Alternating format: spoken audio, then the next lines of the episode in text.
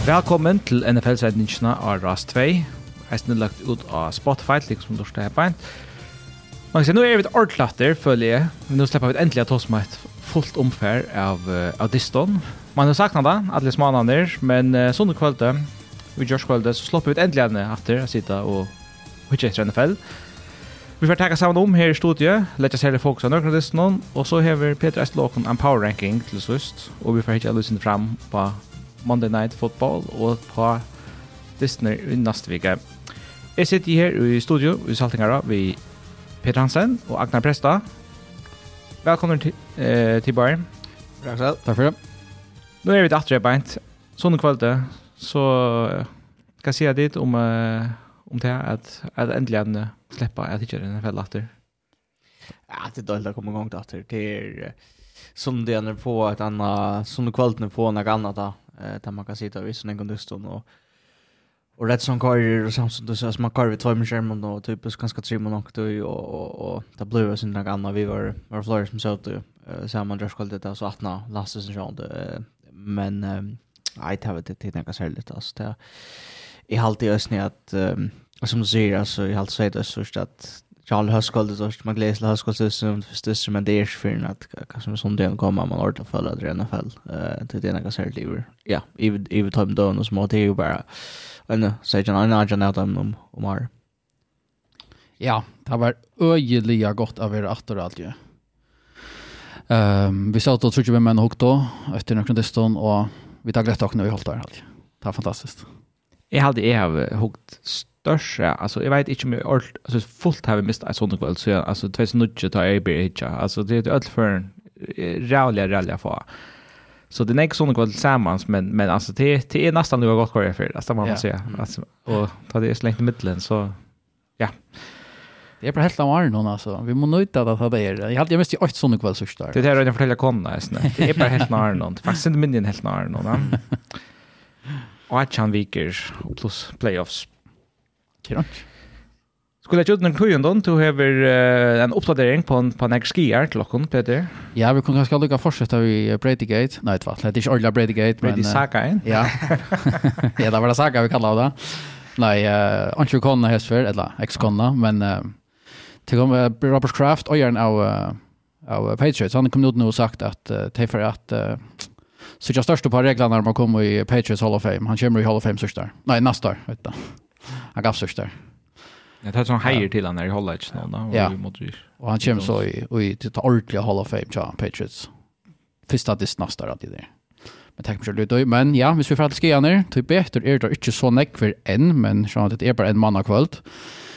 Akkurat då. Men uh, vi börjar med Browns. Offensive tackle, uh, Jack Conklin, han hever uh, finnes skia i knäje. Han er utrustning av Arnon til hans ACL som är färre. Og Bronco safety Kadim Stearns, han hever Øysten Fyrtjanski i knæget, Det er en, um, en et li ui uh, så fremst i knæene som er ferdig til honom, sinter uh, mer av vanlige skæger, sutja, og han er Øysten Udressen har noen, og den største skægen som nok kommer fram enn uh, hesa vikna, det er uh, running back Jar Ravens, J.K. Dobbins. Han ser halsen i færren, altså Achilles, av en skån, og han er Øysten Udressen av kaffengården noen, Han hade nästa skatt. Ja. Just jag ärne. Mist sin fjør, og så hadde jeg en tjo, mist i allt ärne. Nu har Ravens nemlig løsning finnes jo øyelig godt running back room og så han var så satt over en støttene när vi är jag tror jeg jag var men det ble så ikke snacka. Og Ravens åter mist en um, defensive back til Marcus Williams. Han finnes jo en skia i um, alltså i brinkna, en torn peck. da pectoral muscle og man vet inte ordentligt hur det är än. Um, men uh, själva Hva var det? TJ Watt fikk også en år. Han var ute nekker viker, vet du. Og så Saints defensive end, Peyton Turner, han er hvor så finnes jo et som man kallar for turf toe. Jeg vet ikke hva man kallar det her først. Jeg vet ikke hva det er. Det er, man kan, man kan være ute lunch, vet du. Det kreves noen operasjon, og det er det her som uh, Michael Thomas alltid er i. Da han, det er en affæren at han strutter seg om atter. Uh, men det er skjønner, det er ikke snakker, det er bedre. Nei, vi tar noen andre ting. Man kan kanskje kalla det for det er mer positivt ikke, det er noen Några spelare som jag finner som Justin Rapenko inte ganska anbaka för kanske man era. Men um, i beskriften här var det att uh, Petter och Kappi går för gång så nådde vi att sätta två kontrakt tvär uh, rekorder. Ehm um, det visste Luka den till Nick Bosa defensive end cha ehm um, tja uh, for Niners. Han fick en kämpe kontrakt 5 år 170 miljoner alltså en meal average på sal salary upp på 34 miljoner om året och det ger han till den högst betalda värjeläkaren i NFL näkrant. Så en ordentlig på sig pengar till han och en kämpe investering och han han han är resten av klass klassen spelare så så han är han är väl förtjänt till han. Börjar han inte en NFL karriär jag sitter iver och ja nästan allt uh, allt tre nej jag ska göra inte har bort så jag bland ju allt eller Joey som han säger alltid han börjar sen en välkarriär vinner det han hållt det nästan. Jag tar här och spajer så sött vitt och Joey har haft det vet Ja. Jag har alltid faktiskt han har haft två. Ja. Okej ja. Men ja Nick Bosa är en alltså han är en klassspelare eh och 49ers eh kommer ju kosen där när kommer in för Niners ändå det inte där vinner just där men men jag står här och kanske det bästa ligan i alla fall sammanlagt. Vi har alltid talent där. Och här var igen kanske ja, den största styrkan. Och det har man inte ska betala några pengar till som quarterback så har man nämligen ja. fler pengar. För det är lärarstens med landet till, till värjarna. Så det kommer väl in uh, tja tajmon.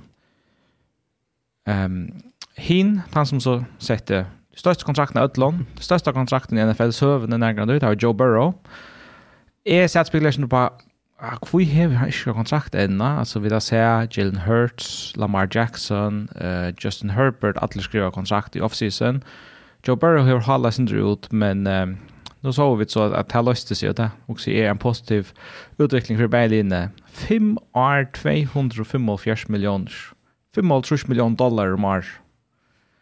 Og her er 290 millioner garantera, så det lukkar at det sista året halt det her, her, her han ikke er, eh, fullt garantera. Og han er så laster inne til, um, altså det er så han får lunch, han har langt kontrakt tvei år, så der, der her var han kontrakt til endan av 2020 i Cincinnati.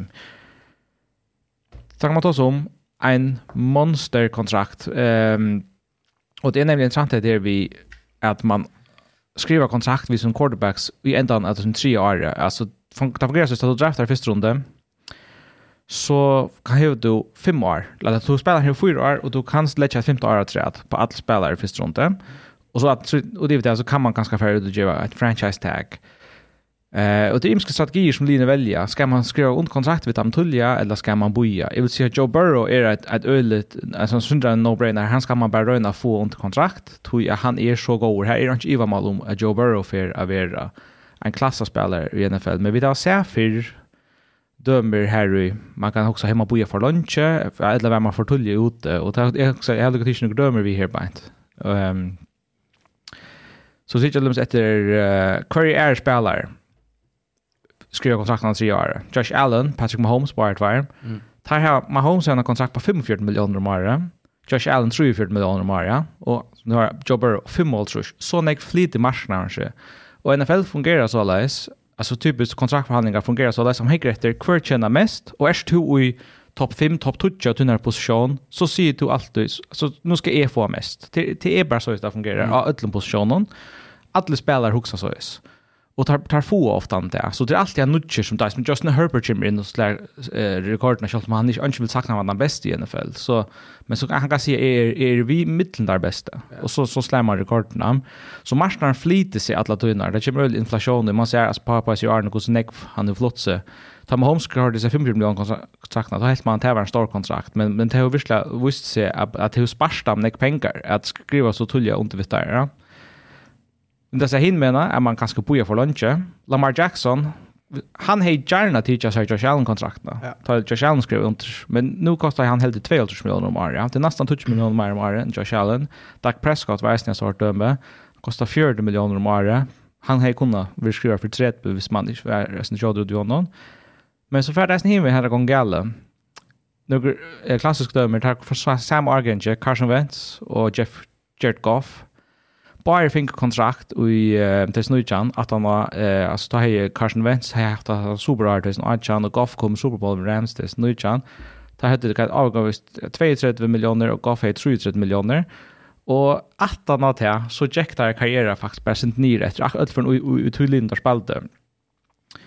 Och ta ända vi samma off-season, för två månader sedan att bli kort väck från linan och linan bor en på ett man som för dead cap på på nästan 40 miljoner och på där så där var det öle dorst man brände sig illa ut Rams väx och Matthew Stafford kan man säga sen fyra Jared Goff. Så eller det var passa till allt annat men men det var nog inte helt som då och men det så att det ska ju under den soffmallan eh men jag också syns som du att alltså Shawan ska man under Joe Burrow och Shawan ska man under Patrick Mahomes alltså Det alltså men det är nämligen det som är så löj alltså typ tänka Ravens situation i fjör alltså när alltså jag har det viskar angått på att hela Baltimore Ravens inte för skulle ont Lamar Jackson på på någon alltså hur skulle det där ja men men tar aldrig bara inte det där eh men men alltså det är aldrig så också nog stort att att lucka mycket åter att ta mycket att draft i 2020 alltså kvar Cincinnati Bengals har aren't det och kvar där nu och så nu som att mot Browns så visst distant growth men men alltså tar var ju ringa ringas i NFL uh, för så tar det igen ja.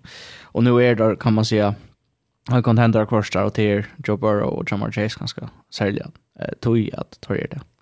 Men det är halt mer intressant för en kaska quarterbacken som är lite nivå 18 för alltså Justin Herbert vart här för Tullia ja han fick ett lag kväta och det är ganska en mer som är relevant det är ganska två att ta väl låga sen Sammy Argenker då ja tar av boja ja akkurat då och det tar väl nog heta kappingar som Jimmy Archer då och här chick vi drön jag är skatter eller lite alltså det det som då för hit efter men Justin Herbert kan man säga vi nu Joe Burrow kanske vunnit ring men Justin Herbert har nästan inte vunnit alltså han är ju Kan han vinna en playoff Har han hon en playoff till sin gång? Nej. Nej, han är inte en playoff till nej. Nej.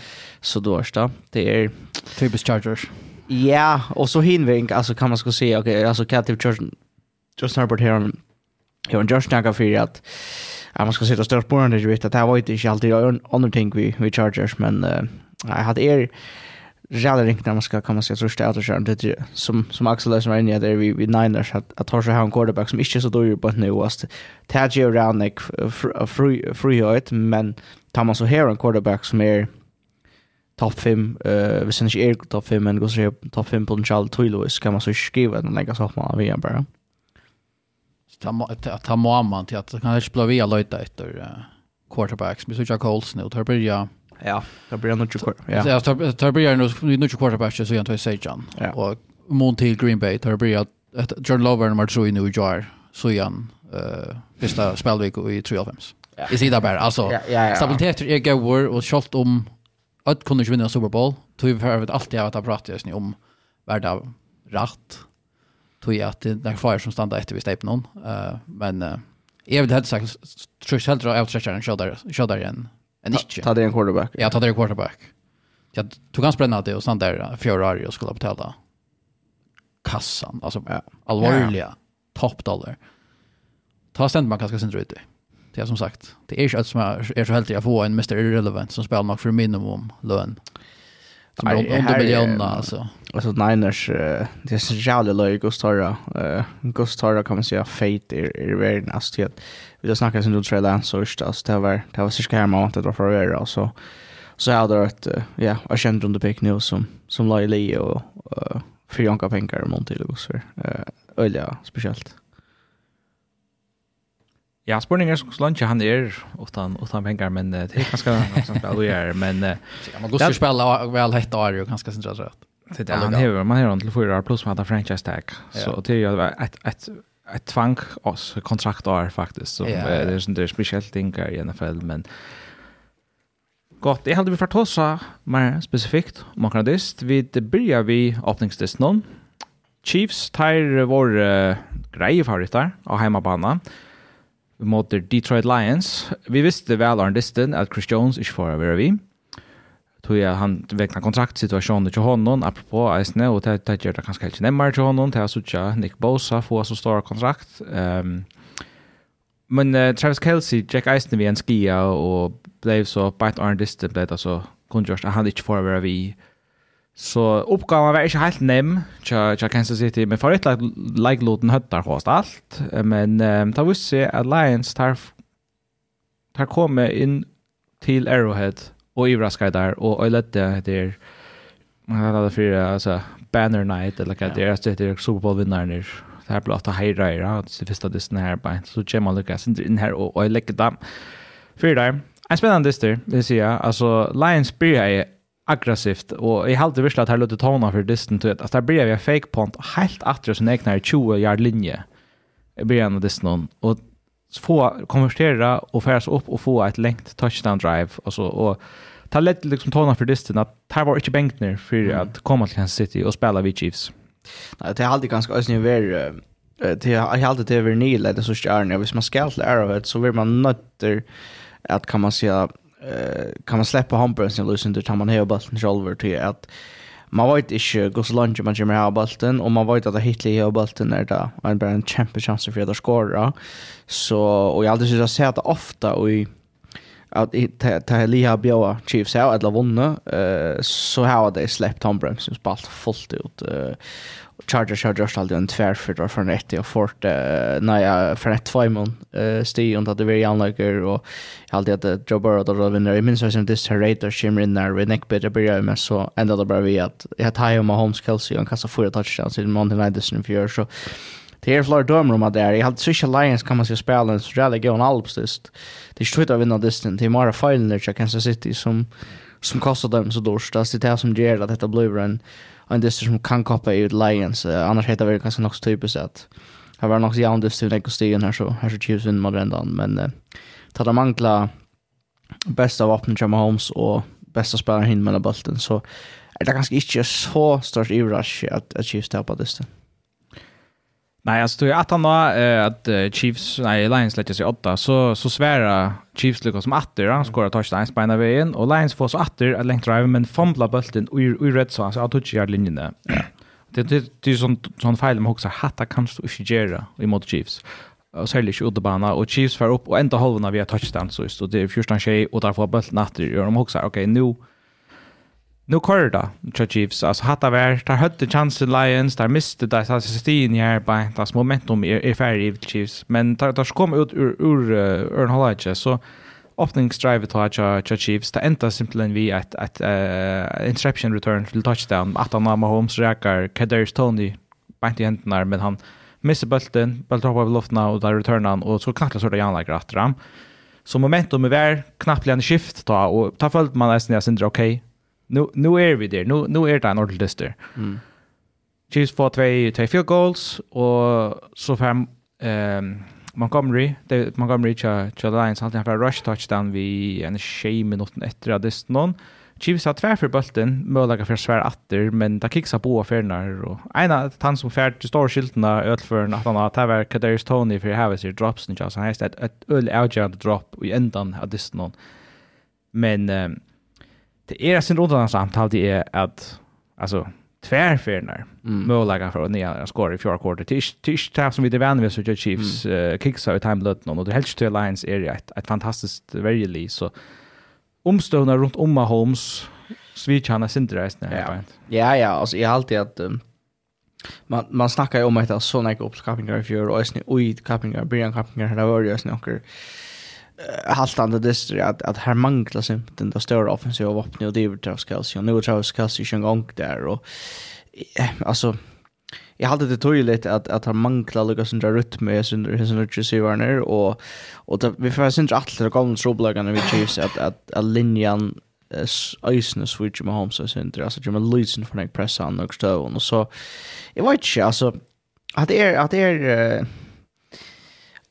Alltså Chiefs Chiefs är så liksom som är som såna andra lig i NFL med mer än andra så djupt djupt av Henke där quarterback och han spelar ganska sjön inte den allra bästa dist och ta han så inte det här plus det att det inte har det vapen som som levereras så så kan det här bli bliva lite men men det är nämligen alltså det är ganska det mest mest överraskande att helpa ner att, att Chiefs har a chance to för in after första måste att att det är the shoulder and drive och här visste man om så att det det att här kunde schaktas klara att att att skjuta eller och gott efter det drar lucka och skotten mot mangla. Spårningen är så nu nu får man ju så lucka ta ta Berlin och gör ju på. Chiefs fär till Jacksonville. En trubbel det utbandist mot Jaguars Lee som som är trick vi är är en contender i AFC. Kelsey det är ju sant han vill vi efter. Chris Jones vill för inte vi åter är detta då för för att fortsätta för att det har varit trubbelt vi att att vinna några nästa dist någon som där fjör hade så lätt vi att vinna. Det så tycker väl jag till att så running game cha eh Lions rycker också väl och ta dover Jaguars östne. Vi ska få utnyttja det och få lucka så störst succé. Så tycker väl att klara det. Eh tar så gott ut i vikskiften. någon. Eh kanske större på dist någon helt det. Jag Jaguars alltså så det var spännande jag vet att Chiefs för klara sig om receivern i Chiefs steppa upp och Och hjälpa med Holmes till att ha hever han bruk för. Han klarar inte allt själv. Så man är nog så lycklig Superman så är han inte Superman. Så är vi inte ordentliga bilsen om tar för att pröva Jerry och Smo Iron Shade ett line ena för vissa vissa hesa troblögen hålla fram till att man är, man har vunnit Super Bowl och man får inte nämnt att det är Joe och man ser till att det är Rickard inte så tycker vi inte att Andy Reid och Dar är kan man säga bänken för att attraktiv outsideren kan man säga. Och, men det är sån där första dyster vi nog kunde, alltså, uh, nu play color och så där och är inte så bench för Chiefs är nog skuld för vinna några dyster men men är det är det det som om att att det kan mig kan bli tänker. Jag hade att front office ice Eisen bear and listen to us. Alltså Tyre have ikke giv honom gå wide receiver. Han er Travis Kelsey, best tight end i NFL. Travis Kelsey, og han får ut rett, vi skal man helt glemme. Så det er ikke garanti helt for det, han kommer atter, og han bare er den samme som, som vi tar vi tar seg, og, og man, er, man ser hvordan henger man nere honom. Men tar, tar trader jo tar Hill vekk. Det var jo tar vel. Og man har ikke finnet seg her nummer 1 receiveren inn, og man har ganske håpet på akkurat der Stoney kan blive at han spilleren, men så som han sa i Giants, han hever sin opp og nyturer, og Og hvis man hikker ötlen hin contenderen i NFL, altså Bills og Bengals og Eagles og Fortnite, altså öll under hava en klara nummer 1 receiver, öll som jeg kan komme i tankar om, og mm. til her at Chiefs hava ikke givet med homestand spelaren, og så tar du mist Kelsey, så, så er det kanskje helt overraskende at, at det er nok så tropelt at få bare alle kvar som alt. Jeg tror ikke Patriots modell i gamle døvene, så uh, det var øyne skjoldan at han breit i hei og en, en topp topp receiver eh Aswin och Lia uh, Tata för ett Randy Moss, Ty Randy Moss kan man säga. Det är ju inte bästa Arda hött. Det bästa offensiva Arda hött, ja. Där ser man det. Så det här Randy Moss. Eh, han är inte uh, kommer trubbelagar och urejter så där och tar så för ett rum och tar bara rickar och några kvar. Och så faller ut lite tight end halvöje och så kommer sådana uh, mindre sig, alltså ett eller och sådana där innan. Men, men till Patriots kort att det är också det alltså det mest flesta är någon åtta topp receiver men men man vantar bara att systemet och Brady skulle uh, få sig grannar.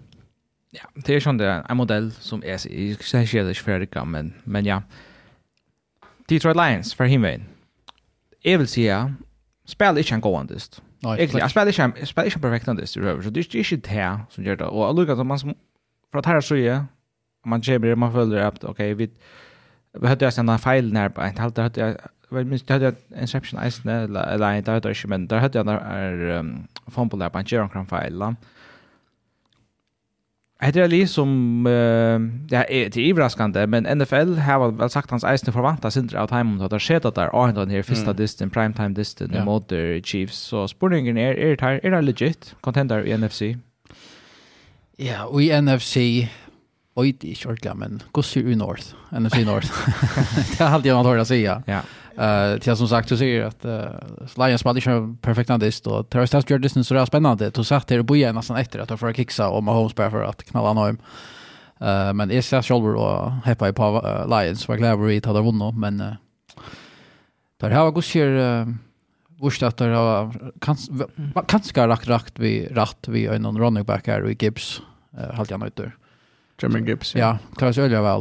Uh, Og jeg tror vi at for å klare å vinne nok sånne gadister, men så er det lykkes i playoff til at Cowboys og Eagles tror vi är veldig öliga störst. Ja, det har ju det har ju några goda offensiva linjer till til öliga viktigt. Och hvis man hickar ett och jag nu vinner tre av linjen i NFC South alltså eh Buccaneers, Saints och Falcons men är är bilsen hvis vi må ha något i NFC South som vi. Så alltså plus playoff plus är absolut uh, kan man säga något som Lions ska för efter och, och i allt det är faktiskt bättre tegen att vinna den distan uh, här 2020 mot att ha vunnit igen inne för just eller lockar där att, att det är sin soliditet i, i, i vi är värjan faktiskt uh, vi vet att trycka sig in och det att tar tar kontrollera klockan till vi får runda bollen nice ja så så det det är alltid positivt. Väljan var större problem så stör. Ja, ja, det tar defensive backfield det var helt öliga. Det spalt ju så vilt alltså spännande offensivt just när det blir en capping guard men det ända faktiskt tappa något tänker jag då. Ja ja det tar klar skora normalen hinner klar skora. Nej nej. Det är inte av så visst Ja, är bilden av att Jerk off Harris är fast alltså när karriär är helt han när jag skriver med över han får till Detroit det har jag sagt sen vet att sloppa av honom i Los Angeles. Jag tror inte att de kommer vinna Super Bowl i då. Alltså ur Ramsa. Nej, nämnde jag. Och så spårningen som nu kan jag också där om, om det här, men, men det här ju inte funka Rams har så allt det, men uh, Loki är Jared Goff vi har spelat in till att vara tatt upp på den bästa quarterback i NFC. Löj också. Ja. Här, för den här upp mot dem. Ja. Så det här bröd ju chansen ut lite i Lions. Men uh, vi får göra. Nästa stund för oss om, jag vill säga, nok eh ringte att argumentera för en annan distri var mer underhållande efter vikskiftet än uh, distrin i Los Angeles med Chargers och Dolphins. Här Dolphins vinner 36-34 av Chargers.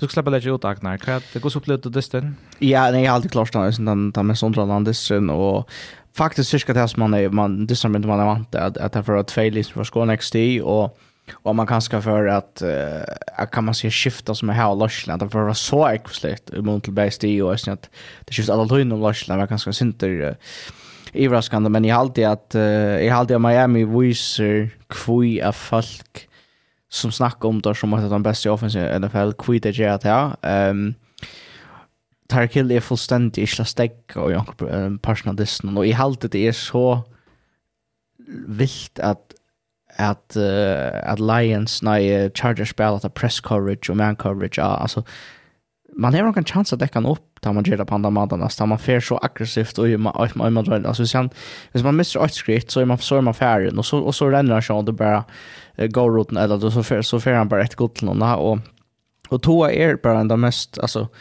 ta han hever rækka sina dier, så er han den mest presise quarterbacken, den mest presise quarterbacken i NFL. Altså, han rækka i sig kasten så vel um, länk och medel kasten. Jag har två, tre ting kanske dysten som han kastar med London interception som inte kostar disten men, men annars är räkar han öliga väl så här i mitten, mitten och längre roten och Eh Dolphins får sig runt bollen okej till tojer men det är särskilt att det är vi att har är så explosiva då passing game som Gerard och, och Chargers hade cirka det som man kan vänta Chargers så skulle next i eh tar stottler hit efter eh men tar tappa dysten eh och det synter fältet i mån till klocka så där ända vi att Dolphins har bullen sårst men det är ju synter vilt alltså att ta så det ska lära så det faktiskt defensive Dolphins som trackar upp ordentligt just nu och är för också faktiskt nästan att Dolphins scorear där oj så tydliga.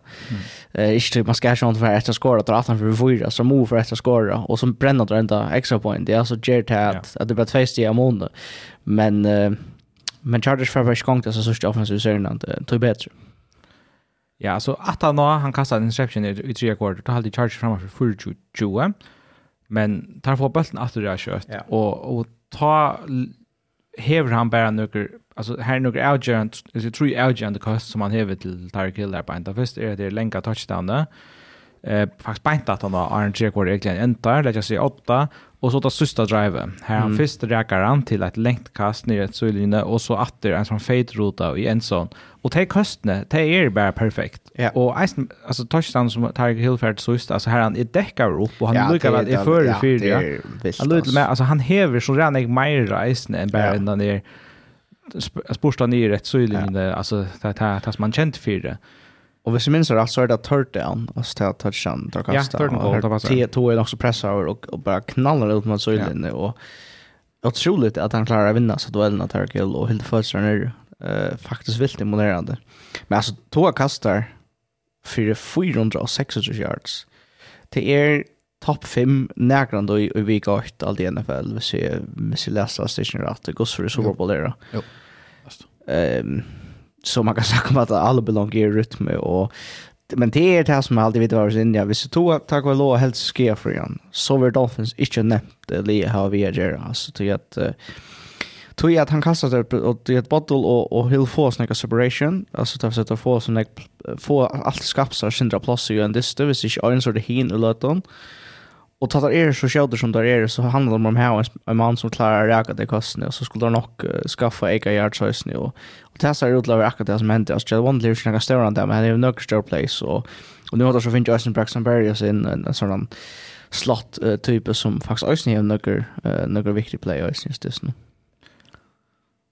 man är man måste säga att att det är helt Mike McDaniels och front office cha Dolphins har virkelig sett Tua i en perfekta støve, og han, han, det virker som han bare truves så vel ugetner, en dag her kombinationen mellan McDaniels og Tua og Tarek Hill og Jalen Wattell, hon, hon er bare øyligende, altså hon, hon kører vel. Og det er ordentlig en oppskrift for noen som i trygg man kan, altså hvis, hvis, hvis det fortsetter på en av så får det Jag ser att det är potentiellt det bästa allopp i NFL. Eh och men resten som som som som som är ut jag att att alltså ta här var det en Plus. Så det är allt play design course väl det är synte som Eisne som Andy Reid platte a bruka Tyreek Hill och så Andy Chiefs Eisne att att han är närmast om möjligt att stäcka mm. och visst du ska stäcka så måste du dedikera kanske tvär trutchar man till och ta ge bara, och ta gas redan plus till uh, till hina ligarna yeah. av Chiefs I know och det när vi play off this någon att att man gör det där man måste simpelt stäcka där killa och tapp tal då en dörren plus fyra och tror jag att man kanske ser tar man gör det vi så gör det lite tull i det stund att ta ta klara linjer containern den löte men så att distance blir öppnas ju upp så ikke man glemt det, men mentalt blir det også en blod og sånn. Og så knappelig for en egen plass. Altså man sa det også en fløyde som i fjør, knappelig for kom Tarkil ordentlig, ordentlig gang til tre tre kvarter, fjør kvarter. Och det är det som händer just det när han är han är här röster och place för alla men men det han som är just distan i i tre och fyra kvarter hvis man ska vara ordentlig Eh och är det så jävla visst alltså visst tar search till trade vi Jonathan Taylor. Ja. Så så är det kanske det bästa bästa offensiv i NFL så är det så så är kravet att de ska kappa som kommer Super Bowl nästan. Tror jag att det här så farligt allihopa. Så kan, ska man sätta spåren till linjerna, men Josh Bell där åttan tar, tar han närmst han bästa tackle som det här var och, och en av de mest solida i ligan och, och då klarar Luka att, att välja. Alltså, två, i hade inte två blivit säkra och lyssna och allt det. Så ja, alltså jag tycker att det är nog så harst inne Jonathan Taylor vi står vi står skjuter detta rycker I styrar hemma så gör en running back som som för spelar Super Bowl vid Niners men hvis man kan få en en en sån mora every down back som man kallar det och Jonathan Taylor hvis man han töker för en okej okay pris så tycker jag att för Project. Just det här frontlåta kontrakterna med en toa är billigare. Jag tänker pengar upp, upp fram till uh, Jonathan Taylor och så är han ganska sitt billigare sättande. Ja. Och så har jag också Jalen Ramsey, han manglar just nu. Ganska ja. bästa cornerback i NFL, eller en av dem i alla fall. Jag var nämligen också spänd 24, jag stod och tossade om uh, Dolphins och Svek och att Gustav förklarar sig gör tog att man var också spänd på att ta August Manne börja ju och och man andra inte här men så börjar jag med eh kanske vi antar var när ju nu när kommer ur Dolphins vi alltså Ramsey med landa och, och försöka landa ösnen kommer ut kan också ah, ganska Vi hade helt helt att göra alltså nu också som två sista vi att lösa ner gärna såna som han fick men det visste sig att det var en öliga god och tar tar vunnit Ja, det är det svärsta svärsta för att vinna och Chargers skorar fortsätts det och man ser att de manglar Jalen Ramsey eller att det secondary men det kan ska tror jag att att Chargers rennar bollen och det väl alla tojna så tar tar tar um, rennar för 200 förutsätt vi. Ja, alltså här så kan man se så fjällbrott all av Chargers och Dolphins uh, det faktiskt för den sista. Jag till lugga här tatt som som att när jag Axel Jan inte. Det tog kasta sin interception att de klarar verkligen att stäcka dem också viktigt och så sørste, uh, play playen her, pass også cha Vic Fangio, uh, and Derek Gord. Det är sin trubbelt att kritisera all opp til Charge for Nekvist. Der tar skora for det det hårdast alt, och Kanske man kan säga at skulle ha kastat bølt mer, men tar redan all upp kör så väl. så tar, tar runda för mer enn kasta i fyra. Eh, stolt nok, det är ikke man ser det och man stadigvæk skårer for det. de, men... Um, Stottan har gjort. Terry Kill sagt han han vill ha 2000 receiving yards i år. Han är över 215 i år. Klarar han det? Ja, yeah, alltså rätt statistiskt för sen helt rätt att ja. att med det. Så är det nästan för 1000. ja, jag jag tycker vi ska det sätta det om möjligt, men men alltså jag vant inte hur som lite upp med upp med Arjun under där för det sen helt skär för jag. Tack. Slår korten ja. Ja, det hon är Arjun. Ja, då på vi Ehm Och det är som vi är, han var veldig ointressant men han är intressant att prata, altså, ikke en spennende dister, ikke etter som så. det är spännande. Men intressant att ta så om, og det var i Cleveland at uh, Browns har tar 24-3, og i måte Cincinnati Bengals.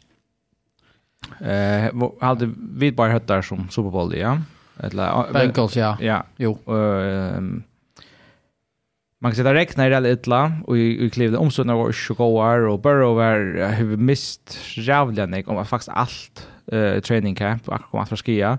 Men Maren som skrev det största kontraktet i NFL och i en nägrande som som vi nu tar sig om han hej han kommer ut ur sin distan vi Trimon Stion och han har den minsta tälja kastjards nägrande 2 och forsjards kastar för första och det en tredje en horribel daver fra all upp någon. Tja, tja Bengals.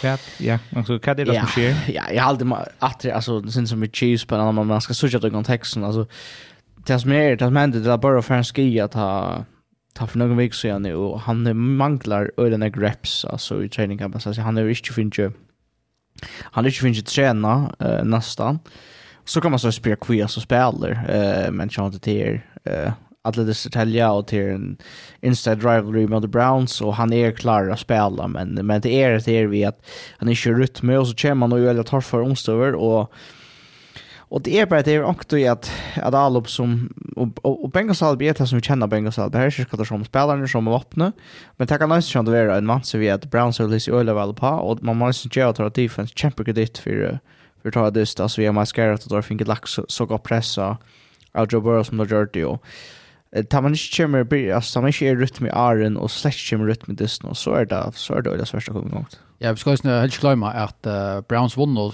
2-13 möter Bengals sista 1 november. Eh så där görs det för inte under dagar så igen och ta ända av Bengals trots allt i AFC eh finalen. Så det pjörs upp tojan näka men stått till fyra Bengals nej fyra Browns att rycka nu och det är tre sig hemma sig i week 1 så igen i 1995. Jag tar med under fem av de sex senaste mot Bengals. Ja. Så in i mitten så ser man Eisenberg här vi ett liv som matchar rädda väl upp mot den här ja. Så där till eh hade Joe Burrow hever i Ödelsund diston. Det är allt under Joe Burrow är det av nämligen. Ja. Alltså han hever haft ringt vi har spelat mot Browns. Just det där här var några klassaspelare i världen. Det mesta ödlov Miles Garrett är Eisner en alltså en av de bästa edge alltså pass rushern vi tror hava i NFL.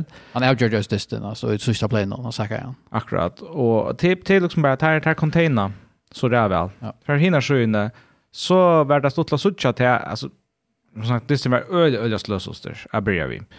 Och jag hade inte för fick en touchdown ut i sista drivet den Aaron Hall inte tar till Sean Watson rennan in för hade en 15 yards eller ett landa och där som att ta chemen ordentligt gång så där var faktiskt rättliga fight att sucha några glimt av det gamla det Sean Watson. Man ska inte minnas till det Sean, det omstående var helt nemmare till honom att det är i regnen och i Cleveland, men han kommer ordentlig gongt at han har det, og hever, nok, hever faktisk eisen tvei go touchdown drives i Øren Holland, ikke? Så ja. han leverer flere ting som er øyelig positiv for, for, for uh, Browns, altså ja, og tar run game vid Nick Chop, ja. kører eisen vel. Det er en fire måneder isen i omstøvende, eisen, ja, selv om altså, John Mixon er funnet runnerbacker, så Fabian Engels bare ikke det samme å køyre, og ta her, altså, Browns hever det bare bedre sett opp, men særlig vi, altså, har Nick Chop. Men det är sån att det är sånt där vi att Lee får så att tacka för norrön och man ska minnas att Cleveland Browns och sen när Bengals har några öjla speciella fors av Asteo Theo Tellini i Ohio staten Ohio och och Browns kan man säga blev ju till alla eh Bengals är ju ett urslit av Browns nästan alltså Paul Brown han uh, mest legendariska vännen i NFL blev Blagger Cleveland Browns uh, smite efter honom förresten. Uh, Och stannar så syns när Bengals alltså här är en särskild rivalisering med linje att det Browns och Bengals spelar sin som liten. Eh hade det hemma vet så det är en öliga speciell server med till linje och, och Browns Nej, jag har alltid öjsne att nämna som, som Axel innan det vet Sean Watson. Alltså, man ska inte undervärdera kanske är en lägare att han spelar en hever. Alltså, och och visst han han kommer ju in för det han slapp helst träna så hårt för vilket ett vi gör allt det där och så nu sen nu kommer in från början och får gång då så kan Cleveland Browns vara så lite som man ska ansa sin rätt och i UFC. Ta och i hans senast spalte är folkkappingar. Ta helt är han vara noktan alltså topp 3 quarter alltså helt verkligen vara nek om till Sean Watson då. Och Eisen tar han då trade över Iver. Ja ta men man säger ju att den är stora alltså tror först han picks han fick en kämpe kontrakt alltså fullt ut garanterar ju ehm han är bara tjej ju är här är han grund till att han inte ska röka till nivå i atter som han gör och han har den läkare runt om sig. Nu nu missar han så Jack Conklin så är ju en, en ärklig i här på men han har Amari Cooper han har Nick Chubb som är en av de bästa running backs i NFL Hette är ett liv som, som contentar vi i i UFC och alltså det det är bara det det packar faktiskt bara nu och tror är snär Chiefs och Bengals missar där första distner är någon det kan komma kosta. Ja. Och så jag kan för hand i kvalitet när Bills kontar med inte det eller Just dice. couple i byrja och man, man missar ett skritt på en vägen. Det är det är skrats. Alltså vad det skiftar om den Bills är man alltså eika eika motiverar nu till att det är en kämpekamp om att första sitt i AFC och Ötla sig linje i en så stor hemma alla fyra mån. Kanske särliga Chiefs och Bills. Så jag tycker att det får öliga nek på spel och på en av en. Alltså jag glömmer så extremt nek till den det Redis. Ja, vi får snacka om det ändå men, men han, han häver kanske uppåt större kan man säga tutning nu än han är i Arn, Arn och Februari.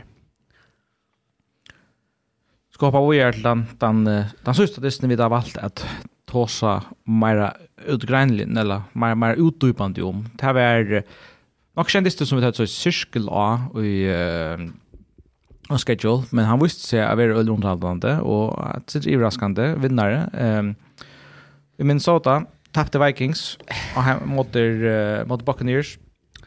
20 sier Så och Baker Mayfield är en och i Tampa Bay hon hon fortsätter här som Tom Brady han släppte henne. Nej, det kan kanske inte drivas att säga men men ta ta ta kommer väl väl från från stationen och ta var en en öl underhållande stil. Ja, right. Ja, nu snackar om Browns alltså och, och jag hade nog så stått lite det, man så tjus här i fjör alltså Kaepernick cha Rams är Leot och tar er alltså här är inte Louis Chamberlain Mayfield in och spänna det tror han får faktiskt en jag GT och gör alltså han det syns det knappt syns det stort hitchat diamond och det är nog stort vi mer fullt det är jag hukte det sån video jag sort det är en sån youtuber som vill öle väl vi och som snackar med det att Cleveland Browns draftar Beckham Mayfield har varit ju några go quarterbacks ut i draften. Alltså kul var det då för ett rond och han har inte han fysiskt mest talentfulla quarterbacken, han som har haft bäst stats i college, men det var även en på personlighet och ja och och det kan vara kanske väl sånt för Buccaneers som är väldigt sort uh, jag vet inte säga cirkus men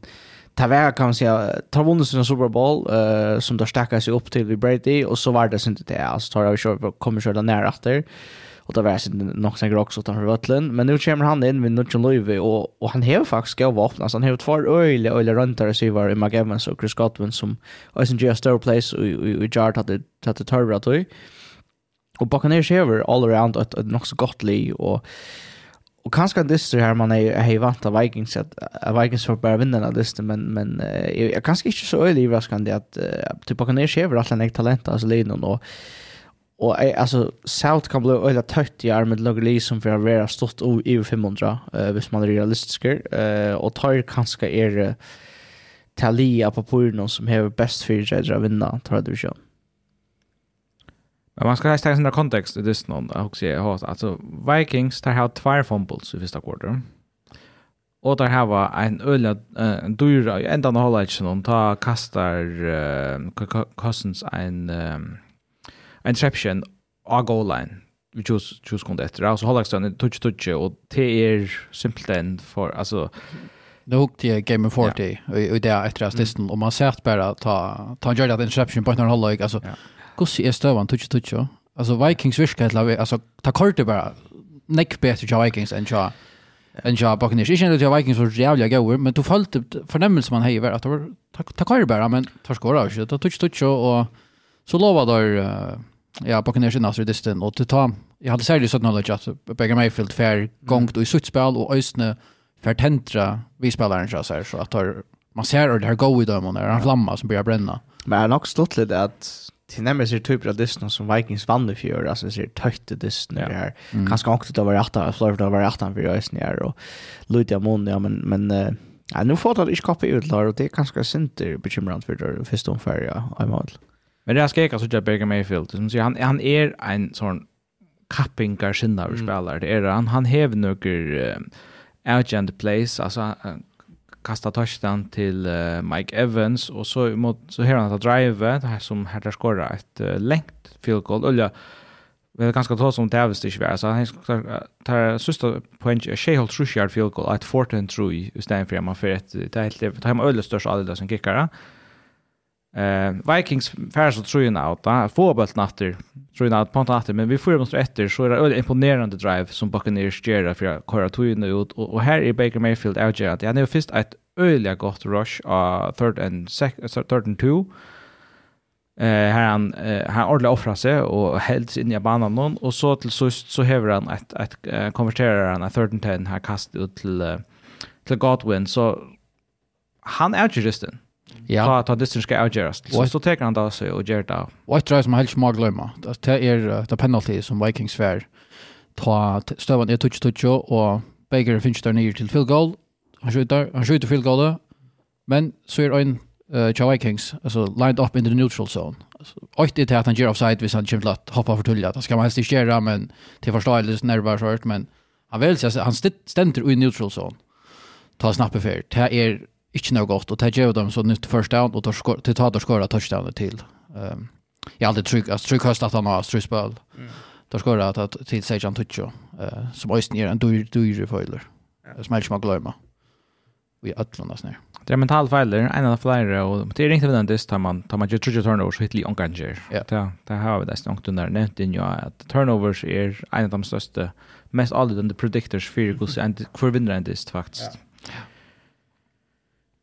Ja, men uh, hattar vi akkurat at det er in-depth review. Vi kunne køre noen hinder slitt noen i kjøkkenen, og så må du bare se fra oss til noe som du vil bemerke fra dem disse noen. Panthers tar uh, for til Atlanta og tappa 4-2-touche i debutene til Bryce Young. Han har noen opp-nye-turer, men um, Falcons skulle se være måned bedre. Bishar Robinson for a touchdown, han nu. Fyrsta rundt til pitch til Hawkins och ja det er Desmond Ridder eisen som som för för skir inte honom så det där liksom stabilisera inte att det er positionen mm. vi är Nummer 2 pick i draft någon CJ Stroud för till Baltimore sin trubbla uppgåva. Eh Ravens var uh, viska mer öliga rostar men uh, det hade så liksom kom igång där. Det var under 25 nudge. Som Eisner Skorgami. Tre skor gammal. Ja, ja, ta, ta nämnde vi det. Och kamersa. Ja, vi den sen sista är är Peter Peter Aspjad med domdan också väl nämna att hade hänt men det är första för att en dyster ändar som han ändar i hästen för någon 25. Det är första för i sövne. Vi mån till att här ankrar scores. Jag hade ankrat de scores någon, men kyrlag för det var eller urslit någon som uh, var det jar. Det är väl alltså jag kör i 200 för och och mer som radar om. Tror jag att alla gamla finner. Ja. Yeah alla skor som som angade ju vara. Till dömes jag helt trusch noll hur angade vara. Det var det var aktuellt i Cowboys Cowboys Giants det som ända 14-0. Att ha tagit alltså skor i gamla ju vara trusch noll. Till dömes. Ja, men um, så är är helt faktiskt inte imponerande det på några mat av, av Ravens. Alltså Lamar Jackson har 193 kast yards, en interception. Ehm um, Men men där vinner så det det det är reaction plexir. Cha cha om Det där man kan man köra sena kan den där. Ska så då verkar slin nu i väl. Då. Absolut. Jaguars tar vunnit i Indianapolis. Anthony Richardson nummer 4 overall pick här så ja. Så det är en quarterback som som det gör debut här. Det syns jag att alla trutcher får att debut i week 1. Det är very legend för en quarterback. Man ska visa och spela vägen. Tappa 31 21 til Jaguars.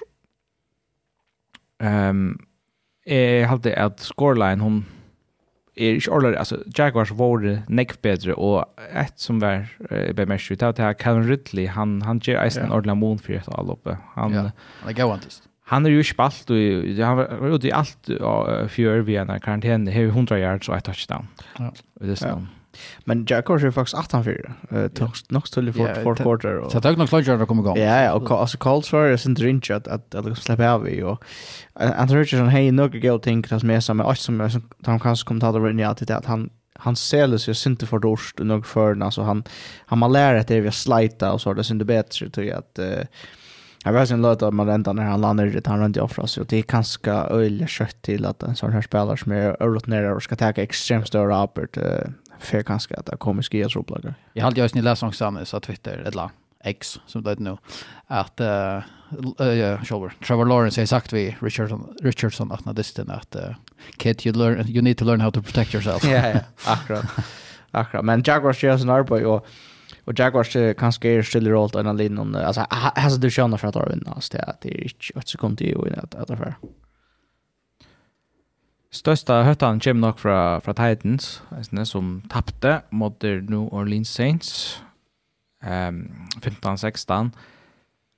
Jag nämnde att jag helt Tannehill är en hon var vi är färra och nu halt är att vi kan officiellt säga ja. att klockan hon är ordentlig för alltså hon sätter igång nu och han han kastar Eh 16 ut av 34, altså under 80% completion percentage og true interceptions. En en elendig dist fra der, så er fem field goals alltid der finke. Mm, ja. Men till spårningen när det ja, till på spårningen så är han uh, missar uh, starting job. Och man kan bli benched mid season nästan. Sen så vi Titans alltså nu faktiskt vänder det kapingar sen det för uh, men alltså det är vi Tannehill Ray och så vi vi uh, vi där Kendrick som rann öle väl en väldigt spalt i Harstad, så att det sa ordentligt gott ut för några år sedan ett liv som kanske kunde kontrollera lite very en contender i AFC men uh, det här är jag vet inte det är som tar stagnerar på en kramata och men det är godt så sent så får en seger vi vi där Carr i första dysten alltså inte det var inte sent för Gera Champions där tänker jag men uh, men öle uh, viktigt kan man säga att slå uh, ja, få, få ett dubbelt på den vägen och slå så harsh ner att det har ja, tar väl gosse kaffe som om man vinner sin så Fyrst det skjuter is Carras, 305 yards, en touchdown, en interception. Så till till till god igen. 49ers tar vunne størst 30-6 mot Pittsburgh Steelers. Det er kanskje ikke så rævlig overraskende fra du tar jo, men jeg er helt stadigvæk at uh, det var verst at, at lukka som både vi gosse goer tar egentligen var. Alltså ja, ja. Eisen särligen Brock Purdy han spalte väl och, och man var sånn bekymret for det hva er är det for Brock Purdy vi var så ju för för han har fortsatt att alla som så fluk uh, spelar han. Intil vi är så så gjør han akkurat det som han skulle just det nu. Ja, han fikk jo hjelp uh, fra Ötlund kanton och han spalte fantastiskt och P Pittsburgh Steelers kunde inte av offense. Och det var bara selv TJ Watt. Det var TJ, det? Watt. Jo. Uh, ja, det var bara han som var till stigar och i världen tja, tja stilar. han er uh, jeg ställs noen, og vann oppe på 3-2, 32, nej 32 tjej. Ja, så det här här var mest komponenten i alla uppna. Christian McCaffrey är 100 och 12 rush yards. Och Brandon Ayuk är så han som som för har skrivit nästan wide receiver plus nu 120 yards och två touchdowns så så är man ju där Debo och George Kittle så til er... uh, För det var Jukka fancy. Jag hade nog ett lojare så så starkaste lie i i NFC. Ja. Men det er hänger av om Brock Purdy för fortsätta. Han han är ordentligt track till att vara en en ordans server i i NFL. Det det man måste Ja. Alltså det är ett lis som Uh, liksom vi ringt att slå. Alltså är nu i i playoffs så själva så får hemma vad last. Det har vi uppe helt att jag skulle till till Kalifornien spelar man det lite vi har Sverige nu och och ett är så effektivt alltså just nu med McCaffrey alltså man det vis några spelare som svänker att Lars väl play alltså det så där McCaffrey.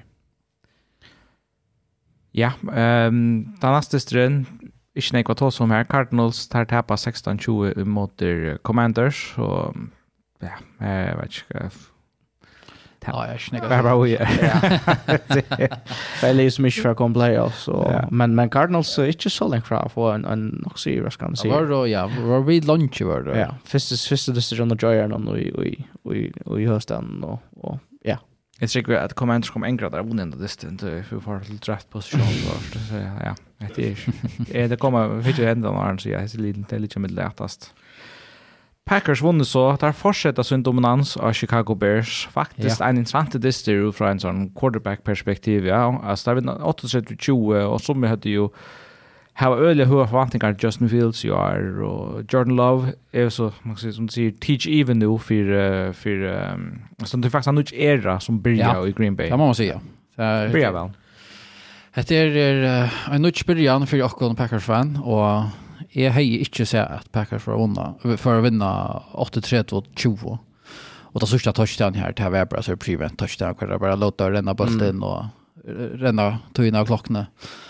Och så kicksade det røstene, two points conversion. Uh, men uh, ja, first wide receiver til Packers han var skattor uh, Watson. Uh, da säljer tøy, ju vant en tattantist. Annars hej, hvis han är ved frusker, så hei vant Packers kus jeg vunnit.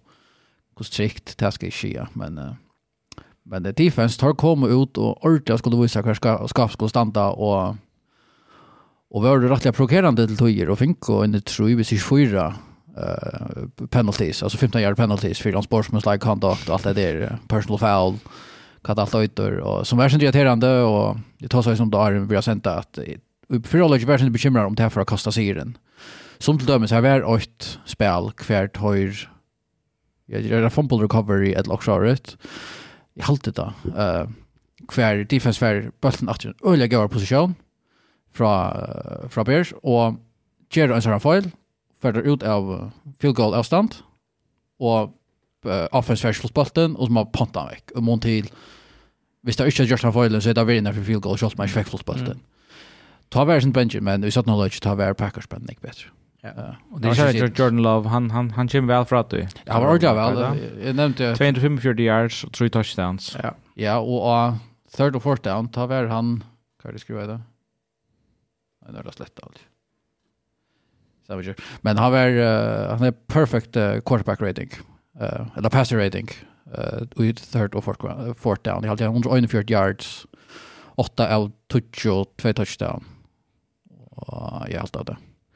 Så han spalte en god dist. Här var Nick etter uh, fire andre lærere. Det han var ikke perfekt men det er god dist. Og det er ikke är å si om det här om vi glede oss til Week som Packers-fan. Ja, um, Raiders tar færa til, uh, til Denver og vinner, jeg vil si, Luisen driver raskande, Sejan 16. Så det er en god början til uh, Jimmy Garoppolo som uh, det ser ut til at, at det var uh, näkrar sånne uh, positiv, några positiva ting mot det er um, Hela nu Jarl på Chatham och man ska just minnas till Jimmy Garoppolo han spelade tillsammans vid uh, Josh McDaniels i, i New England. Och det var en tog i hos allt här i man att han skulle erstatta Brady. Så han hever nekrar kvalitet i høsten, han sitter han spallar en perfekt han distilla nekra, men det sa ok ut. Og til vi som gamla, kan man säga, koordinator som venner Josh McDaniel, som er gamle Denver Broncos head coach, og jeg synes det stortlig å over vidt, og, og jeg helt at uh, tar rett og slett finnes spela kvar, så halter så veldig effektiv ut, og det var han Adams teg jo øyne mer som med færre noen catches, men spiller Jacobi Meyersen øyne gøyndest, jeg halte faktisk at det er, og jeg synes undervurdere pick-up så tar man Jacoby Myers som är, som är second receiver allt inte det öliga the Patriots och sin fjör Eh men han fyrte väldigt ut vid en test med Resutler en hela skoltan för han också gjort uh, hit i hade och vi är nog inte vi nästa det till han i, i, i protokollen ja så. Men tar han färg game in drive och Broncos alltid faktiskt ett annars Broncos börjar också väl alltså Russell Wilson och man sa kan man se fingrar out så ja Josh Payton eh uh, vänner men uh, men ta får ju ordla kan man se stin i att han har sett knowledge och och kanske till värre för Broncos är det att utla blösen så Miel eh, under Miel där. Är van för för Russell Wilson har allt som säger. Ja ja, ja, jag har alltid spelat dåligt bättre än jag aldrig ofta för han så skjuta så att han då spelar någonstans. För därför Eagles tar munte blue i Raskar av av Patriots tar kommer ta oss sig på 25-20 Jeg vil si at Patriots hadde nekva chanser av en andre distan. Det hadde der, og det var nekker vanlige avgjører i enda andre distan, vil, vil jeg si. og det visste så jeg eis som mangler som Mac Jones hever. Han, han er hever, han er ikke en er bevis han spiller, altså quarterback, og da han skulle levere seg avgjørende, altså det ringte henne fra vinnende distan, for å kaste 4 og 3 fjerner dysten, og Så det är helt här uppskrift till till att uh, till att vinna men med Eagles go diamond nekva var möjligheter till att komma ut i natten. Alltså där tar fem att Jalen Hurts här en öliga dyran fotboll i uh, Kan vi vi ta där är att Patriots har scorat att komma upp på 25-20 och så ända där vi ett ett fumble av Jalen Hurts att du första playen och att han har på att vi vi tre minuter efter men men där är bara inte för för att alltså där är scores position och distant ligger i handshot down här på men men där är inte för för att konvertera. Cheva så bulten åter till till Eagles som eh helt inte det står och så hade åter alltså Så tvärfärnar vi två minuter efter att distan här här om så så har där mål kan upp och vinna distan men men gör det inte. Because för oss ni ett jag får ta om för det här det kanske satsa lös under. Men jag tror jag syns det så blir ändå då kan jag också att det hata Petrus lite ta ta trumma där bara ner och öle effektivt allspel men uh, men det var liksom blev sen veck eller blev ordet veck kan man säga som som distriloy och ganska sent på gymrande för uh, för Eagles att få en sån här position och Tja Petrus, så ja, jag vet inte. Det, det är ganska, det är ett liv som, som ganska inte är inte är sån här flash ut i linjen, men ganska liv som för att vara ringt där kan man säga vinna dystermöter, man ska arbeta väldigt hårt för att vinna dystermöter som oftast. Det är ringt ja. Alltså det är som medalin som tulljer mot cornerna om det Eagles har underperformat eller Air Patriots kanske tar bättre än vi såg det och tog sig om sista vecka. Man ska ju slöma att det här var Billy Jackson. Ja. Ett statement win som var eisne i, i NFC, det var Rams som vunnet 3 ved 13 imot Seahawks, og vi så uh, helt sikkert noen elementer av at, at uh, Matthew Stafford sa tog i NFL er ikke helt liv enn, altså han kastet for 300 og 34 yards. Hin quarterback var ikke gøy. Gino? Nei. Nei. Alltså öjliga kan man säga. Alltså för sig också. Jag har ju varit lätt att spela med Rams som som faktiskt är förfärdigt kappingar i fjör och och tatt sig någon chimmer så det gång när jag vinner helt resten av stadion var var mål blir tömt att det som lever. Det var ganska tidigt för att prata till att det kan säga Rams som så är pretty knapp i år. Ja, alltså som mentalt man ju vi. Ja, ja, och ta kom in till Big här åt han Cooper Cup alltså första target jag mest är Kanske att de en örslen här i hooks mest sort en okej cashier och så att det skulle vara att det skulle vara Sajans det månaden med det här spelet inne i Seattle vi har som fyrtjäd någon eh men ja men se också har en garbo i ombart det det håller Jag ser Gino Smith, han, han er 32 år, han har spalt nekv år i NFL og har jo vært backup quarterback, alla ikke kör sig mer eller mindre. Så er det jo etter år i fjør, han knappt spelar ordentlig vel, og ta er det naturligt at spørge vi er det ikke outlier er altså eller er det fortsett til vi han kommer ut og blir vi å spille vel og jeg har selv hatt en mistanke om at, at altså Gino Smith er ikke en franchise quarterback. Han fikk så, han ble betalt det sin av penger, fitta penger og lukka vel, så der, der her var satt så på han, og Givio Nalid jo er beint, men jeg vet ikke om, om vi tfer, han kan replikere til det som han gjør det i fjor. Ja, visste jo sørste at hei oppgravannet det at det strøyser. Uh Det bara han ska minimera det här Fram i vår. för jag ser jag skulle nära framöver. Ja, alltså, men att han var i division så tar jag chansen absolut att komma. Ja, ja. Det var sin knock, knock out som han kom in nu som Jess quarterback för ja, han var den som touchar så igen. Att han kunde spela kan man säga drama en drama just en vecka och så spela i Lentinast. så han var öliga upp och ner. i alltid, det var då man är ju fyra interceptions eller så där och så har han en perfect passer rating vid knattarna. Alltså det var öjligen jag upp och ner John och kanske tar tendensen är en Schaltman blir en äldre och, och klagar.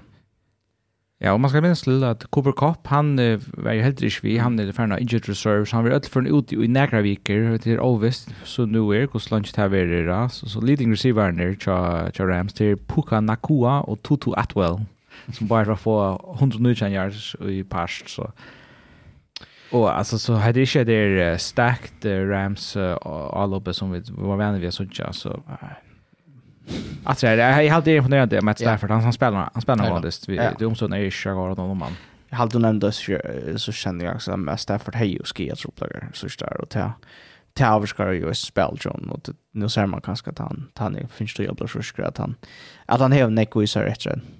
Går så eller också så rätt sen går så vi skulle ett Leon nu va? Tui värre, ja, la tui värre ta som om eh vi björs ja. Alltså på något statistiken så att det kan axla släppa tacka. Sunday night football här det var ja en papper någon spännande strid mellan Cowboys och Giants och i i New York men eh hoppas så upp på på jätte.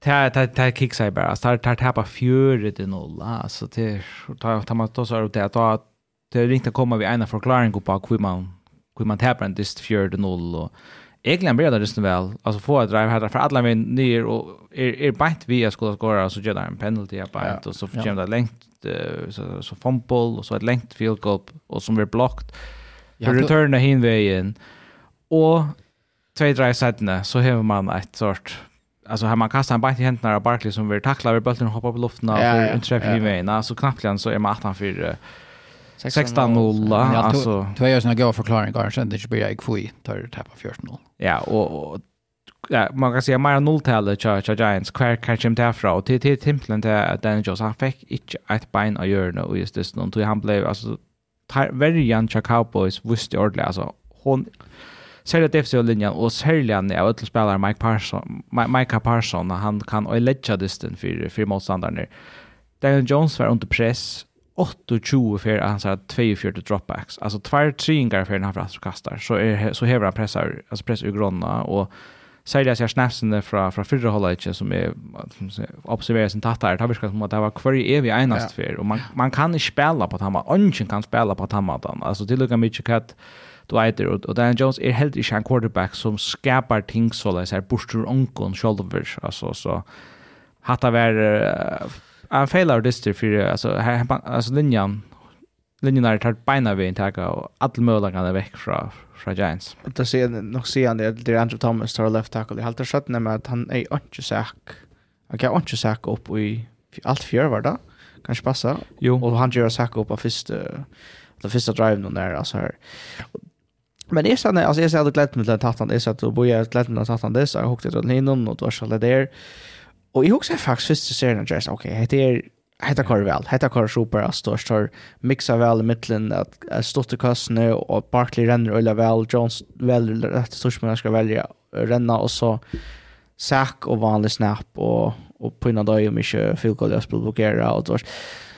Ta si altså så blir det bara tungt da alltså eh och ja, ja, alltså jag helt ärligt ärligt för för upplevelser det. Alltså man har lätt slänt att han det och isen ganska fel. Vi blir ju inte ran när klokar på alla på Cowboys löms alltså tar skuld ju tar pjauts ju gärna kan nästan. Alltså ta kort och få inte att ha bollen och tar skor en touchdowns men alltså det är ju verkligen skora det första första stenen det viktigaste stenen kan man säga. Alltså Så vi kommer att det så ordentligt eh men ta Prescott Prescott Lamb och Dark Hatter vi skulle kunna ta det pressar. Jag vet en vi machine här från Lustara som skriva in om hända disten. Det som ganska arg present det snackas som det har sagt på nu men det är nämligen om alla uppe på Cowboys till en Cowboys fan som skriver. Han skriver här att ja får mikrofonen ordentligt att det ser ut att Dak Prescott är blivit dumped down. Alltså att han kastar uh, som bara, bara stort kast och, yes. och, och ränner eller och ta så utla renne minstri att det var 100% vi vilja att han gjorde det ja och Er tar ganska orsaka av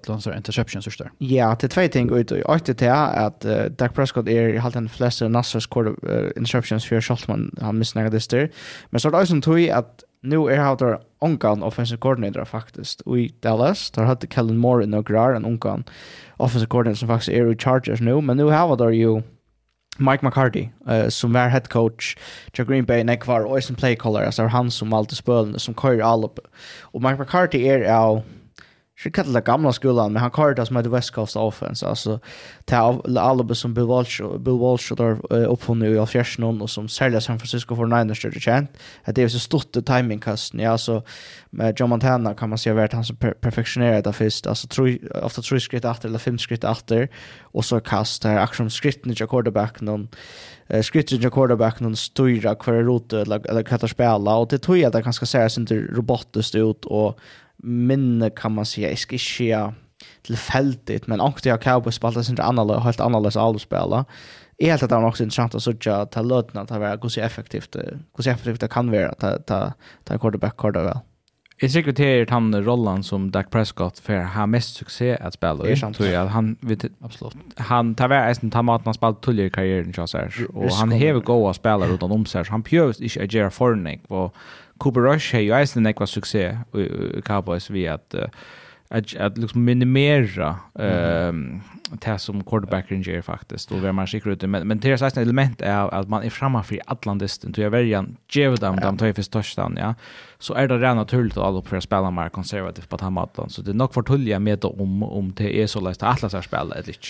Jag tycker det är rätt spännande då att alltså NFL nu är nog nog så näck alla är baserat på quarterbacken och ska ta out ju nu istället ska ta sig. Det är ganska särskilt RPO quarterbacken där alltså Hurts och och och Lamar Jackson och company men Eisen sind immer Holmes och där alltså det är alltså alltså John Chiefs har Eisen West Coast kan man säga generösare för Andy Reid men men hetta är synd om att Ryan West Coast offensen som som Dallas Fara köra nu. Och är halt i ösnet att ta för ska bättre Dak Prescott. Är alltid inte att han är är alltid inte att han är en top top quarterback. Och därför han angår det är att han bara ska leva på sina knävner alltså ta han var ordet går ta ta gav han bollen till Sigurd Elliot och Nek, och så så spalt han också direkt som Axel Linja uh, och här dår han nog tänker väl. Han är väl effektiv på några matar och eh Hero är nog snäcka kastekvalitet och utan att stått kosten.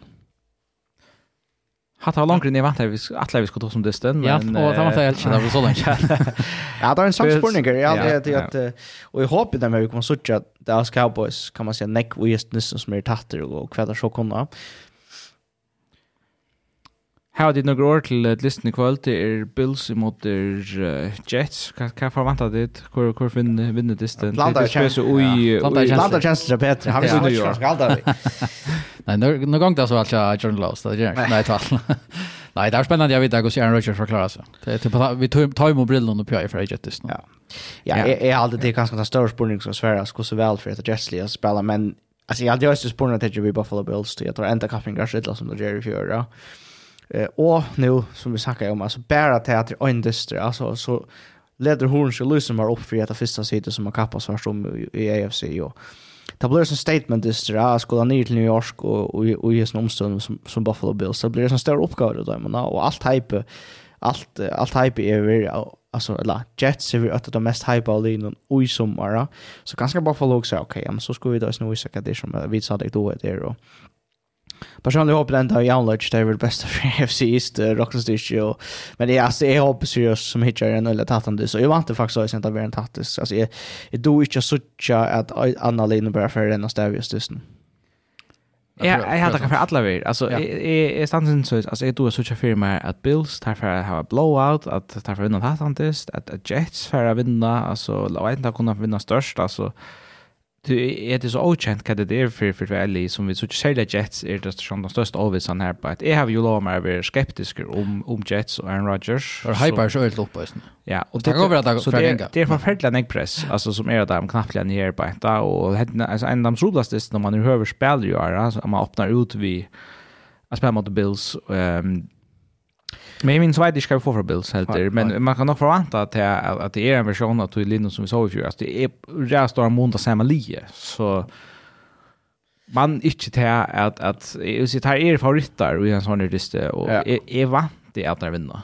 Men är jag, tycker att det är väldigt intressant att sådär. Alltså, alltså värjarna kommer bli öliga, öliga området. Nu snackar man sådana om quarterbackarna och Roger. Men alltså värjarna kommer bli öliga viktigare. Jag, jag har alltid öliga talent av vad om värjarna. Och Fersals Gardner Alicia kan man säga klistrar av Stefan Dick skulle så för att ha spela eh Tom Parsons spel och Jets och och så har det också inte kan man säga det vi är Buffalo ränner bollen så illa eh vi tar running back och nästa är vi ett också störst problem för dem.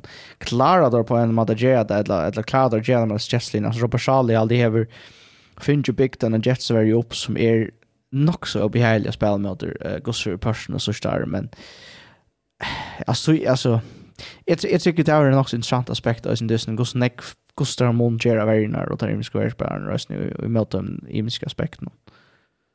Så vet du har vi tog lamp power ranking? Ja ja, vi har var kvarter här 13 mot 30. Så det är Vi har alltid vi køyra. Jeg har jo en klara her. Hon kommer her til titel til først opp power ranking og gjør.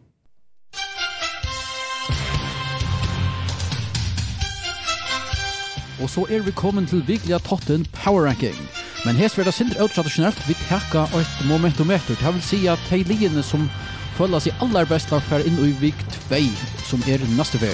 Og av pistaplasset her har vi Dallas Cowboys. De har vunnet 4-0 av Giants, og de har sett der et strikt pistaplass. Og av ørenplassen er det Detroit Lions som høstkvalgte fyrsta av Arne og vunnet møter Super Bowl Champs Og av trea plass noen tar vunn og så øysen av AFC-finalist noen. Det er Cleveland Browns, tar litt her trygt av trea plass noen. Og nummer 4, det har en tatt til størt, har vunnet mot Chargers, det er Sjolvande Dolphins, Miami Dolphins.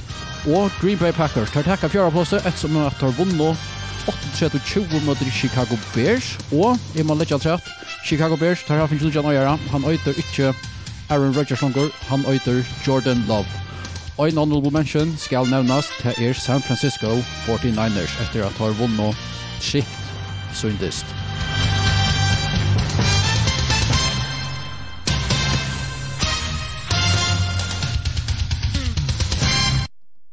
Ja. Nu snakket jeg på, ja, hva er det ditt? Jeg klemmer til å høre Monday Night Football. ja, ja, det er godt det. Passer vel til det meg. Ja, jeg har aldri reagert nok så alt til Linus som, som kanskje kunne Ika kan man säga. Charles Ödlin fäcknas om att få åttaliga talarna men men alltså det är några av de linjerna och så Eisen kanske sälja som du alltså Browns och sån lis man kanske kör vanta såna för att vinna. Eh, när vi tar breaking news här, alltså breaking news, ja. Det är faktiskt då. news. Alltså skriva rap shit när han kontaktade. Ja, nej, alltså han har skrivit rapport att um, att Chiefs and Chris Jones agree on terms on one uh, new one year deal to end holdout. out. Ja, det brukar vi. ja, och det är ganska akkurat det här som Christians kanske har sitt hopp på. Han har säkert sitt grundja såna hands när att när det när uppe i Sweden just så och i stadion har varit hooked det så att att har bruk för mig. Jag väljer en spelare i landet men men Christians är en av de bästa världspelarna i NFL, fall. Det har varit en kvar och Eh nu har alltså finns ju sig det är inte upplöst akkurat här det som vi läser hur sen pengar finns men i Gigan finns rum och lägga pengar för spel och Ja. Luga det jag satt här, han sett här i stadion. Det ser ut som man har sett vid en uh, Seahawks-keppe. Okej. Okay. Ja, ja, alltså man, man sa något att göra fram efter, han helt hon att efter. Mm. Men onkel som funnit att boila att det är Seahawks, en gammal Seahawks-logo okay, ja. och tar logist akkurat, men du särskilt det bara som motsatt. Ja, ja. ja, jag vet inte, det, alltså, jag hade nog stått lite ofta en NFL-spelare, tror jag. Jag syns inte bara bara fram en där är utav men alltså imon till uh, Tatarion och vi också och till basketbollspelare är faktiskt också inte ofta alltså det är ganska sin annorlunda kultur i USA akra vi och sån där. Eh Ja. Men lukka for at då er Power range så där på. Så så jag vill säga att jag att jag hade att 49ers nog är alltså jag vill sagt Tyre och Cowboys så jag att som tar man vinner 4-0 öppningsvis mot mot divisionsrival någon alltså så så så självande så så så är det nog här på inte uppe jag nummer 1 listan men Jeg hadde eisen for Niners til å komme og føle til at her har vært momentum eisen, særlig at, tog at, at den største spurnerteknikken kjødde ham, det har jo vært det, ok, hva hva kommer fra quarterback-posisjonen i år, og et eller annet nere sjankeren vi tre lands, når hun ives deg, og man, man hever Man hever brent brunna eisne, altså til alt slær reserve til altså Brock Purdy, sånn det er Sam Darnold der, men nemlig til at du kårer tre lands vekk, så du sett sporene til kjenne vekk. Altså her er ikke nummer 2 løsning på et nå. Ja, ja. ja. Og, og han som leverer vi har spela så vel, så, så, så her føler man seg øyelig vel, trykker vi, i, i San Francisco. Men det er også det, hvis det er en oppharstursker som er gjørs det, så moment så er han nok kort, Packers kan ska sätta plats och tar upp på femta, men det var mer till alltså, och eller, så det så, så Aaron Rodgers har spalt han distan och då vunnit på andra maten. Ja. Så är Packers kanske nära namnet. Det är mer till att det är en, alltså nu ger vi Jordan Love mm. och han finns Sean Egg Hate och så när han gick Falcon och så för han ut och hej han funnar precis och levererar sin första test. Ja. Det är bara att höja att hej jag också i måttet kolla på listan. Gå se kvar från listan kan du finna kan kan köra Packers upp på topp 5. Nämligen. Där följs sig skott. Det är ofta vi runda av vi er hitcha fram på Disney i, uh, i kommande vecka.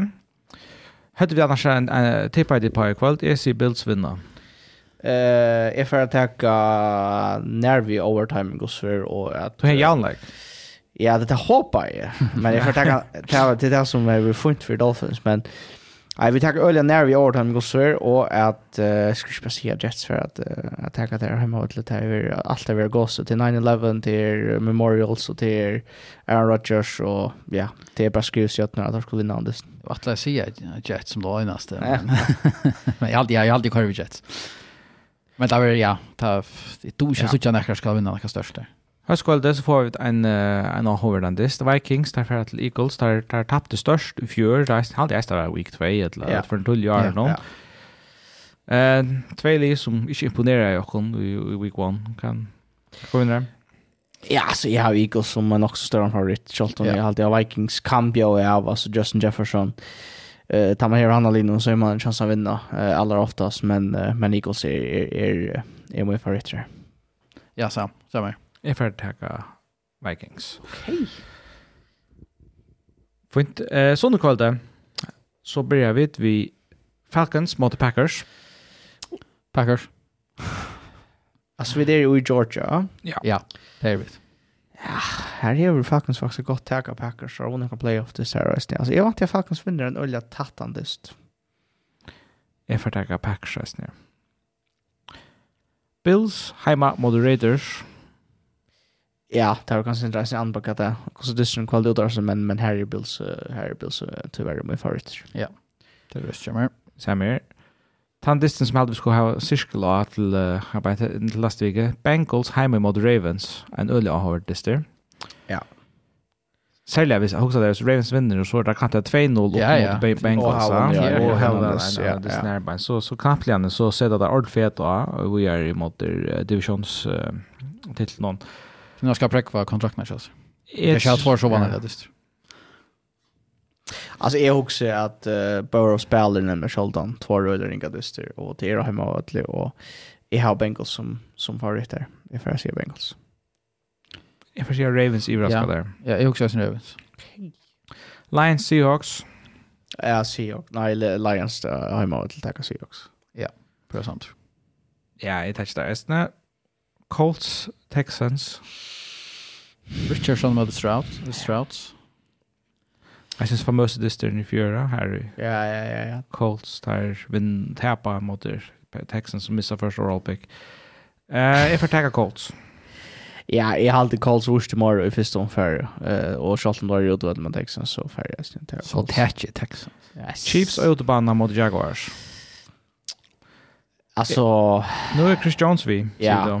Och HyperX extension alltså Guslo knäjer jag Kelsey att jag vet att du kör Gusla lunch där men typ ser man några veckor den där till några vill lägga mänskliga och sånt att det är inte med dem. Ja, alltså är vant alltså hvis han inte Turks Kelsey klarar så tycker det öliga svärsta skor next i men jag kan inte orda tippa med the Chiefs än jag lukka så att där jag måste ju dra för att chat spela on till nivå för att kan tippa med dem och sånt list. Ja, jag tycker lite på att Mahomes tappat för det stryk och Och ja, Scholz med dama väl Jaguars så säger Chiefs. Är färja att attacka Jaguars så det vi så ofta i Florida linje vinna några snart tull ja, september det någon ut ankten är att det är mega hett ja. nere i Florida ja, och vi där nämnde så Jaguars ankten där överraska. Spela Dolphins vunnit mot mot Patriots att det är sån här då är det det, det är ringt, ringt, alltså ringt ja. omstör att spela i mitten. Fuktigt. Men spännande styr. Det är det helt säkert. Ehm och är snägt agent för seating tycker vi på lång sikt i AFC. Bears skulle eisen til Florida og spille mot der Buccaneers. Og jeg vant at Baker han teker og vinner en distat rett og gjør boks til 2-0. Ja, det är samt Justin Fields for neck fantasy points, men, men Buccaneers vinner. Uh, ja, det er ikke Buccaneers. Uh, Bears vist for it. Titans og Heimavøtla heimavødle imot Chargers. Eh, alltså den där som Chargers kan kan finna bara att hjälpa men men det gör det inte. Chargers har för nek en kvalitet sälja alltså alldeles allskämt att att det inte vinner Titans. Ja, ja. Tar tar vurst för nek och Titans vurst för lite. Vi går. Är det slash på Titans så är det Chargers vinner. Ja. Giants tar skulle vara sagt hans vinna av utmanna i måte Arizona Cardinals Det alltså man där Og det här vill jag säga annars så så var jag inte upp man den. Så så det där. Ja, Giants. Det var allt. Yes. Rams spelar hemmabana mot 49ers. Attra en öligen spännande divisionsdyster mittlen. Alltså särskilt nu tar Rams vinnande yeah, dysterna. Och man sänder okej, okay, Gustav störst är där verkligen. Men, men är har 49ers som, som störskast i NFC på nu. Så jag är alltid att det här kommer vinnande disten Men det ska inte överraska mig hvis Rams gör det öliga trubbel för det. Ja, samma är det. Alltså, jag vant faktiskt att jag kan börja att tatt dyster. Men 49ers är bara för gott li. Alltså, Och det spurningen om om om Rams Alba kanske väldigt det ja alltså väldigt på Cowboys spelar hemma på I say Ja, det är ju ja, nej, jag satt nicka. Ja. Det vet det där mikrofon framför jag. Ja, till för Niners. Cowboys spelar hemma på mot Jets. Riktigt med om att Jets har spalt en namn. Ja. ja. Jeg får si at her er Cowboys, at her drar flikk, og at det er øyelig høyt nå, og at det kommer å være en sånn lydel dukturer, og at, at Jets tar for å braska der. Roger sier Josh, det er ikke rettelig under vi Cowboys her, tverfer, trutja for her, altså. Det er bare han og McCarthy, han er ikke løy. Men jeg har tippet Jets har vunnet av Bills, jeg hadde ikke tatt seg øyne ut mot Cowboys på denne veien, men lykka.